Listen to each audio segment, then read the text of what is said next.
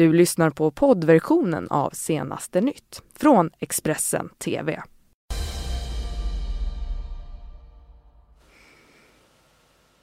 Jag säger god morgon och välkommen till senaste nytt denna fredag den 28 december med mig här Johanna Gräns från Studio 4. Vi ska nu ta en titt på morgonens toppnyheter.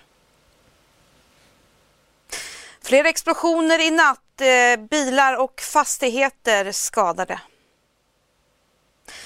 Regeringsförhandlingarna fortsätter. Idag väntas Löfven och Kristersson lämna rapport till talmannen.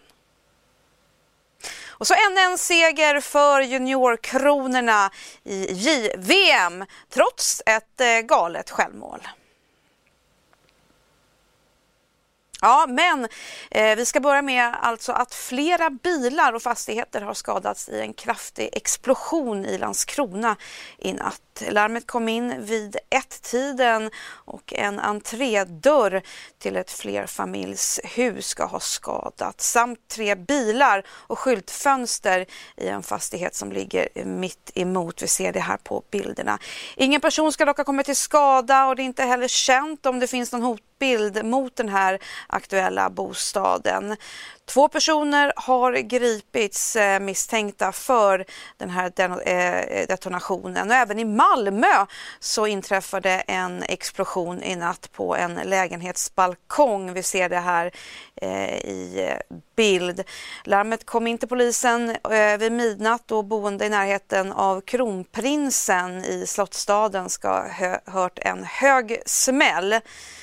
Balkongen och fastigheten ska vara synligt skadad av eh, explosionen men inte heller här eh, ska någon person ha kommit till skada. Så, så till svensk inrikespolitik, för nu börjar det hända saker här efter julledigheten. Idag så väntas eh, statsminister Stefan Löfven och moderatledaren Ulf Kristersson uppdatera talmannen Andreas Norlén på hur de fortsatta förhandlingarna gällande regeringsbildningen eh, nu fortgår. Under den senaste tiden har ju båda parterna varit minst sagt sparsamma med kommentarer och det är svårt att säga om hur deras respektive avrapporteringar kommer att låta. Samtidigt som ett extraval verkar krypa allt närmare i Sverige så är tystnaden från statsministerkandidaterna slående. Det var den 19 december som talmannen Andreas Norlén meddelade schemat för sluttampen av processen att bilda en regering. Socialdemokraternas Stefan Löfven och Moderaternas Ulf Kristersson ska avrapportera de eventuella utvecklingar som sker i förhandlingarna. Först den 28 december och sen ännu en gång den 4 januari. Om allt går vägen kommer riksdagen alltså att välja en statsminister den 16 januari. Och Norlén själv menar att det då med största sannolikhet kommer handla om just Kristersson eller Löfven. Bortsett från att representanter från de båda partierna meddelat att samtal och förhandlingar fortgår så har det sedan talmannens redogörelse för schemat varit mer eller mindre knäpptyst. Hur man väljer att se på den tystnaden det är en tolkningsfråga. Men om de här förhandlingarna skulle misslyckas ännu en gång så kan en sista statsministervotering ske den 23 januari. Och skulle även den omröstningen misslyckas, ja, då ses vi svenskar vid valurnorna igen senast den 21 april. En man i 30-årsåldern har avlidit efter en trafikolycka i Säffle kommun igår kväll. Olyckan den inträffade vid 10 i 8 på E45 och eh, hela sex personer fick föras till sjukhus. Senare under kvällen alltså avled mannen av sina skador och enligt polisens uppgifter på deras hemsida ska det handla om en frontalkrock eh, mellan två bilar. Det rådde extrem halka vid den här olycksplatsen under kvällen och efter olyckan var Europavägen avstängd i eh, flera timmar. Så nu utrikes för USAs eh, president Donald Trump. Han är beredd att vänta hur länge som helst för att få loss de här 5 miljarder eh, dollar av skattepengar som han behöver till eh, gränsmuren mot Mexiko. Det här har lett till att nedstängningen av vissa amerikanska myndigheter nu är inne på sin sjunde dag och kommer dessutom att fortsätta in i nästa vecka efter att nya förhandlingar mellan Demokraterna och Republikanerna har misslyckats. Samtidigt så stormar det kring Trump på två andra fronter också nämligen, äh, nämligen att presidenten har befunnit sig i Irak för att hälsa på amerikanska soldater bara veckor efter det kontroversiella beslutet att dra tillbaka sina trupper från Syrien samt att han har fått kritik efter att två barn eh, dött i amerikanska migrantförvar vid gränsen mot Mexiko. How long do you think to shut down the last, Mr. President? Uh, whatever it takes. I mean, we're going to have a wall. We're going to have safety. Uh, we need safety for our country. USAs president Donald Trump står fast vid sitt uttalande om att den amerikanska statsapparaten kommer att hålla stängt tills frågan om hur finansieringen av den planerade muren längs med den mexikanska gränsen är löst. Trumps ultimatum har gjort att förhandlingarna om statsapparatens finansiering strandats gång efter annan. Och efter att två mexikanska barn under kort tid har avlidit i amerikanskt förvar vid gränsen så har förhandlingarna blivit än mer infekterade. Republikanerna ger Demokraterna skulden för de misslyckade förhandlingarna och vice versa. Och den amerikanska statsapparaten, som varit delvis stängd sedan i lördags, riskerar nu att stängas helt. We need border security. When are the Democrats going to say? Don't forget, the Democrats all agreed that you need a wall until I wanted it. Once I wanted it, they didn't agree. Mm, och CNNs reporter Nick Valencia har träffat migranter från Sydamerika som tagit sig till USA. Vår partnerkanal har dessutom eh, träffat eh, mamman till den åttaårige pojke som dog i USAs eh, förvar eh, vid eh, den amerikanska gränsen häromdagen och som nu väntar på att få hem sin sons kropp. Inside this makeshift shelter, huddled around a table, a handful of migrants, some of the more than 500 just released from Border Patrol custody. Most of them don't want to talk on camera about what they've been through. But one of the migrants agrees, only if we don't show his face. So you paid to get out. How, how much of a bond did you pay? He shows us the paperwork they gave him as a receipt for his $10,000 bond to get out after three months in custody. He says he had to mortgage his home back in Nicaragua to pay for it. What do you say to people that think that you're criminals, that, that you don't have a business being in here in this country? Así que no, no, no todos somos criminales, como le digo. You have values and you have uh, morals, and you're not here to, you know, you're not here to do bad. You're not a criminal. The more than 500 migrants released in the last 24 hours were sent to a network of nonprofits, in part because the government can't handle the influx.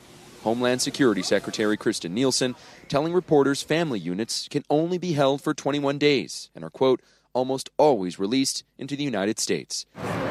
Nielsen, who's headed to the border tomorrow to check on medical screenings of migrant children, also addressing the death of eight year old Felipe Alonso Gomez, who died in Border Patrol custody, calling it, quote, deeply concerning and heartbreaking, but adding it's been more than 10 years since a child died in their custody.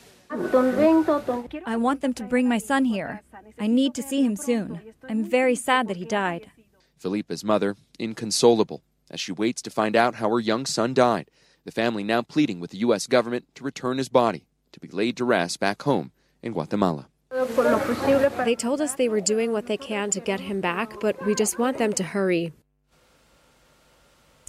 Flera motståndare mot eh, Rysslands president Vladimir Putin har eh, dödats i Storbritannien. Trots det eh, så driver ol oligarken Mikhail Chodorkovsky sin organisation Open Russia just där. Han lever i exil efter att ha fängslats just för sin dröm för ett öppnare Ryssland. Vi ska nu över till vår utrikesredaktör Mats Larsson i London som har träffat honom. Самая большая проблема – это то, что Путин является несменяемым президентом. Все остальные проблемы, начиная с Крыма и заканчивая состоянием экономики и э, воровством его ближайшего окружения, это последствия его несменяемости. Mikhail Chodorkovsky är den ryska oligarken som vågade utmana Vladimir Putin politiskt. Året var 2003 och Chodorkovsky var den rikaste mannen i Ryssland. Resultatet blev tio år i fängelse och han förlorade sitt oljeimperium. Mikhail Chodorkovskij frigavs för fem år sedan och lever sedan dess i exil. Här i London driver han sin stiftelse Open Russia och fortsätter sitt arbete mot den ryske presidenten.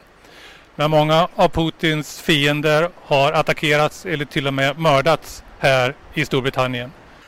Каждый из нас выполняет нашу собственную работу, и мы все понимаем, что в связи со своей работой мы несем определенные риски. Я думаю, что если бы господин Путин хотел моей смерти, я бы уже с вами не разговаривал. Поэтому я об этом просто не слишком задумываюсь.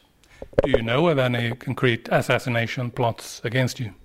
Мне регулярно передают угрозы, но я знаю, что когда хотят на самом деле убить, обычно не угрожают, а просто убивают.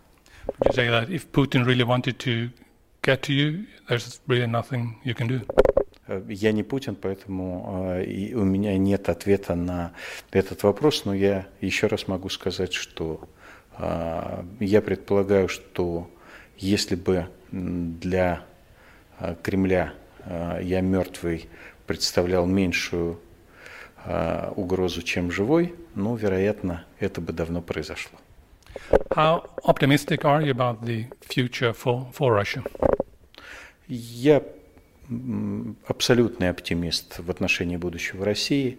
Россия, несомненно, будет демократической страной. Мы это можем видеть за последние 500 лет. Мы двигаемся, пускай с некоторым отставанием, пускай с некоторыми отступлениями назад. Но мы двигаемся абсолютно по европейскому пути развития, и даже авторитарные режимы у нас с каждым разом, с каждым вот витком спирали все более и более а, гуманные. Mm, vi ska avsluta med eh, lite glädjande sportnyheter för 5-2 mot eh, Slovakien i den andra matchen i JVM i Kanada. Ja, juniorkronorna har verkligen fått en drömstart i det här mästerskapet efter att natten till i torsdags dessutom besegrade storfavoriten Finland med 2-1 där blågult spelade väldigt bra hockey framförallt eh, i de eh, första 30 minuterna. Eh, I natt så ställdes man alltså mot eh, Slovakien men då var det fina spelet eh, lite mer bortblåst där bland annat Filip eh, Svenningsson stod för ett galet självmål. Men trots det alltså tog svenskarna hem segern. Mm, vi får se hur det går för svenskarna eh, här i JVM. Ja, eh, med det så tar vi en liten kort paus härifrån Studio 4, men gå ingenstans för vi är tillbaka väldigt strax igen med eh, fler nyheter. Du har lyssnat på poddversionen av Senaste nytt från Expressen TV. Ansvarig utgivare är Thomas Mattsson. Ett poddtips från Podplay. I fallen jag aldrig glömmer djupdyker Hasse Aro i arbetet bakom några av Sveriges mest uppseendeväckande brottsutredningar. Går vi in med hemlig telefonavlyssning och, och då upplever vi att vi får en total förändring av hans beteende. Vad är det som händer nu? Vem är det som läcker? Och så säger han att jag är kriminell, jag har varit kriminell i hela mitt liv men att mörda ett barn, där går min gräns. Nya säsongen av Fallen jag aldrig glömmer på Podplay.